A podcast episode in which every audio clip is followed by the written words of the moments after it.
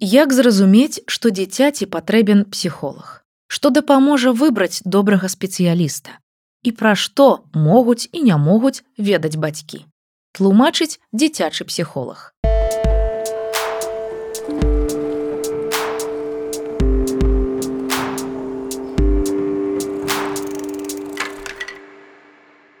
Калі вы не можете зразумець, ці патрэбен вашаму дзіцяці псіхалагічны спецыяліст і як увогуле знайсці сярод многіх свайго, чытайце гэты гайд. З якога ўзросту можна пачынаць працаваць з дзіцячым псіхолагам. Адказвае Святлана гімбіцкая, дзіцячая псіхалагіня. Самы мінімальны ўзрост гэта тры гады. І тое не з усімі запытамі можна працаваць у такім узросце. Але, як правіла, часцей за ўсё прыходзяць дзеці старэйшыя, чатыры гады, 5-6 гадоў і больш. Адразу хачу сказаць, што першапачаткова дзіцячы псіхолог працуе не з самім дзіцём, а з бацькамі. Нават калі гэта ўжо школьнік, падлетак і на сеансах дарослыя не прысутнічаюць, спецыяліст усё роўна працягвае трымаць імі зваротную сувязь. Чаму мы не бяром дзетак да трох гадоў? Таму што гэта будзе непаказальна, нерезультатыўна. У гэтым узросце праца ідзе толькі з бацькамі. Як зразумець, што майму дзіцяці патрэбен псіхолог? Як мінімум, псіхалагічная дыягностыка ніколі не будзе лішняй у агульным для любых дзяцей. І калі ў мамы з'яўляецца пытанне, а ці трэба маё дзіця паказаць псіхолагу, гэта ўжо можа стаць прычынай звярнуцца да спецыяліста і расказаць пра нейкія свае перажыванні. Я заўважыла, што маё дзіця стала вельмі агрэсіўным. Мяне хвалюе, што ў яго вельмі працяглыя істэрыкі. Ён стаў вельмі дрэнна спаць, плача і прачынаецца. Псіхолог падкажа, у яго гэта кампетэнцыі ці не, альбо правядзе дыягностыку і скажа: не з вашым дзіцём усё ў парадку.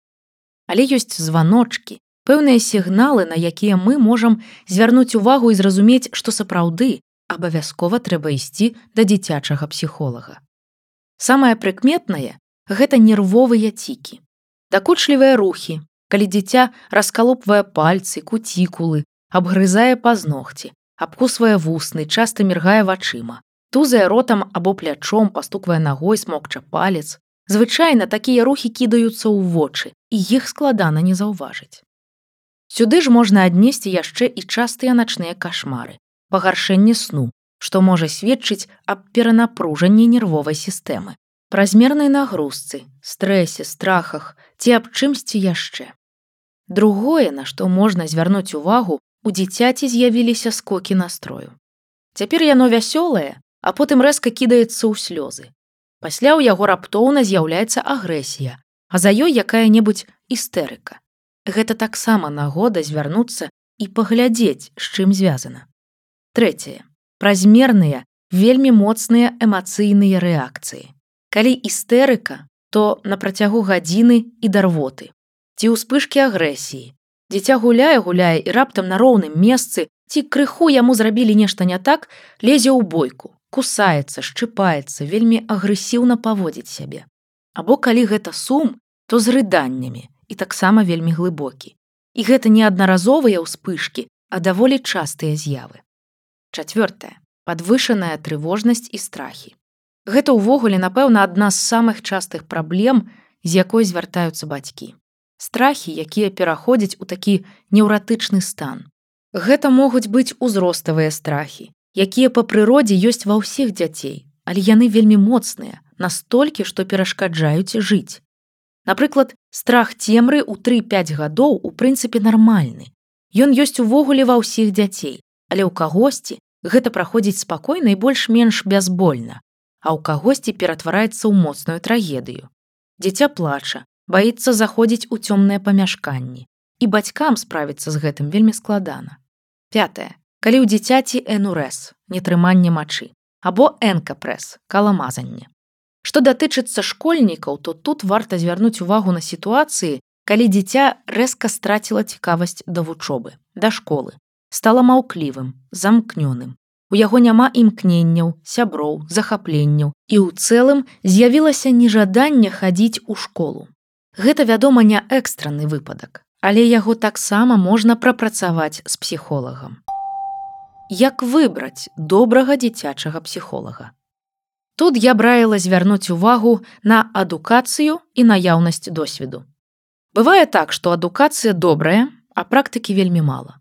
Таму гэта два аднолькава важныя моманты. І трэцяе, гэта тое, наколькі мама ці тата самі камфортна адчуваюць сябе ў зносінах з псіхолагам.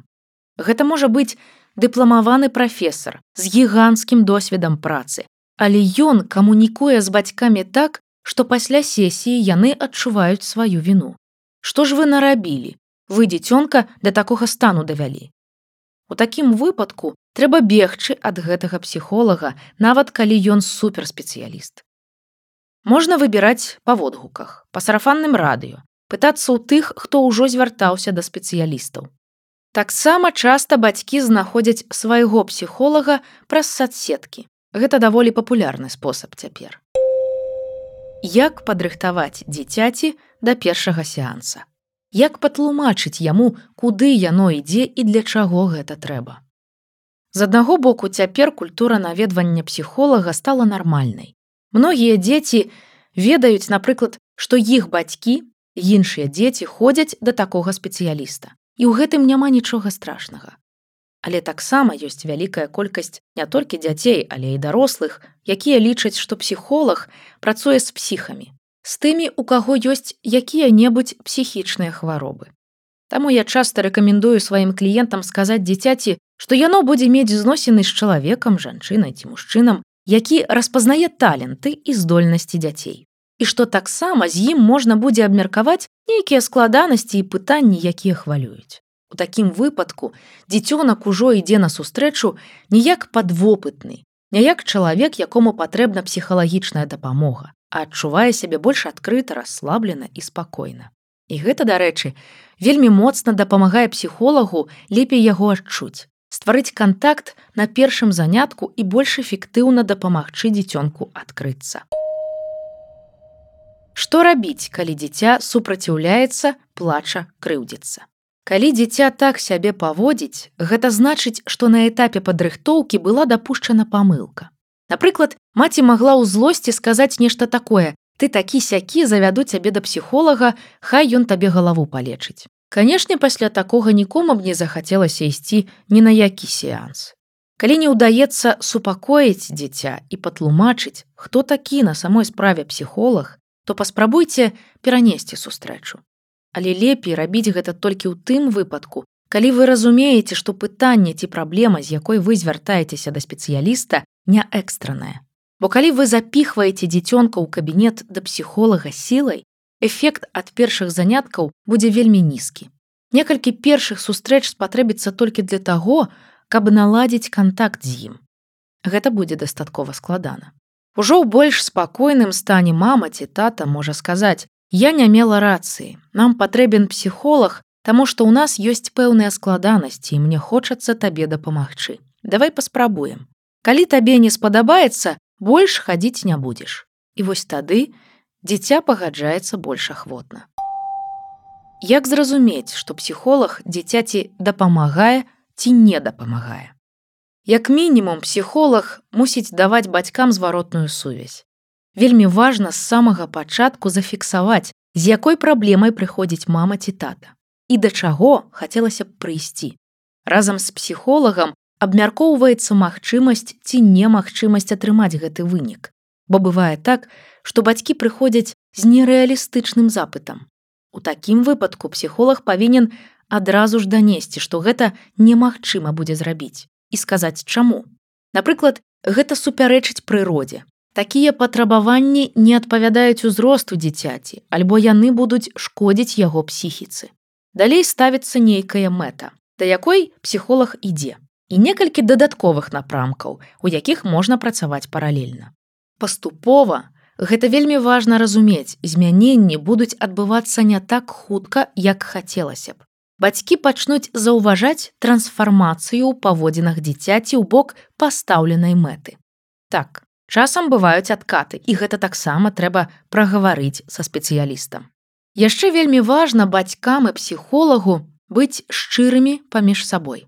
Калі маму ці тату нешта турбуе, пра гэта трэба казаць спецыялісту, каб ён мог падказаць, чаму так адбываецца і як увогуле ідзе праца. Напрыклад, асабіста я заўсёды трымаю сувязь з бацькамі пасля кожнага занятку. Але гэта не абавязкова такіх правіл няма. Просто мне здаецца важным паказаць бацькам, што мы рабілі і да чаго рухаемся, што працэс ідзе і ў якім тэмпе.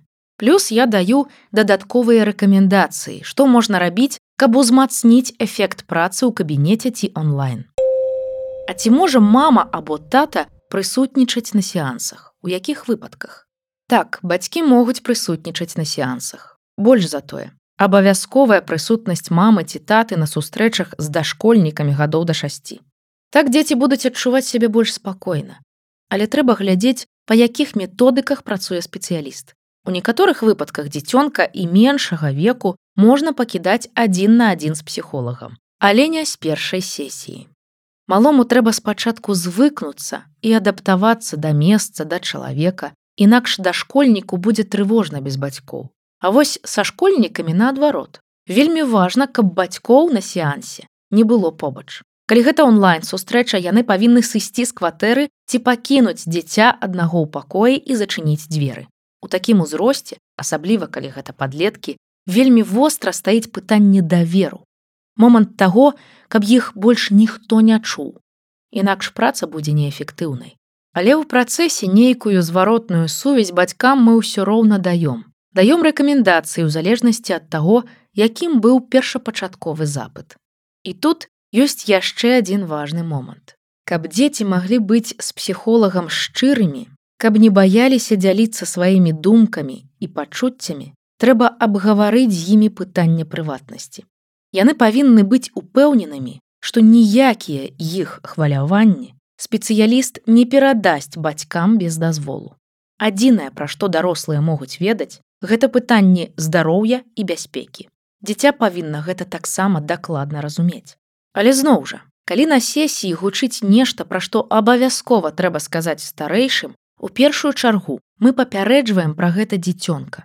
Альбо пытаемся яго дазволу, альбо ставім перад фактам, што гэта пытанне патрабуе ўмяшання дарослага і тлумачым чаму. Усё павінна быць далікатна. З падлеткамі мы размаўляем ужо фактычна, як з дарослымі. Калі няма ніякіх званочкаў, але бацькі ўсё роўна хочуць, каб псіхолог пагутарыў з дзіцёнкам. Так можна? Гэта мае сэнс.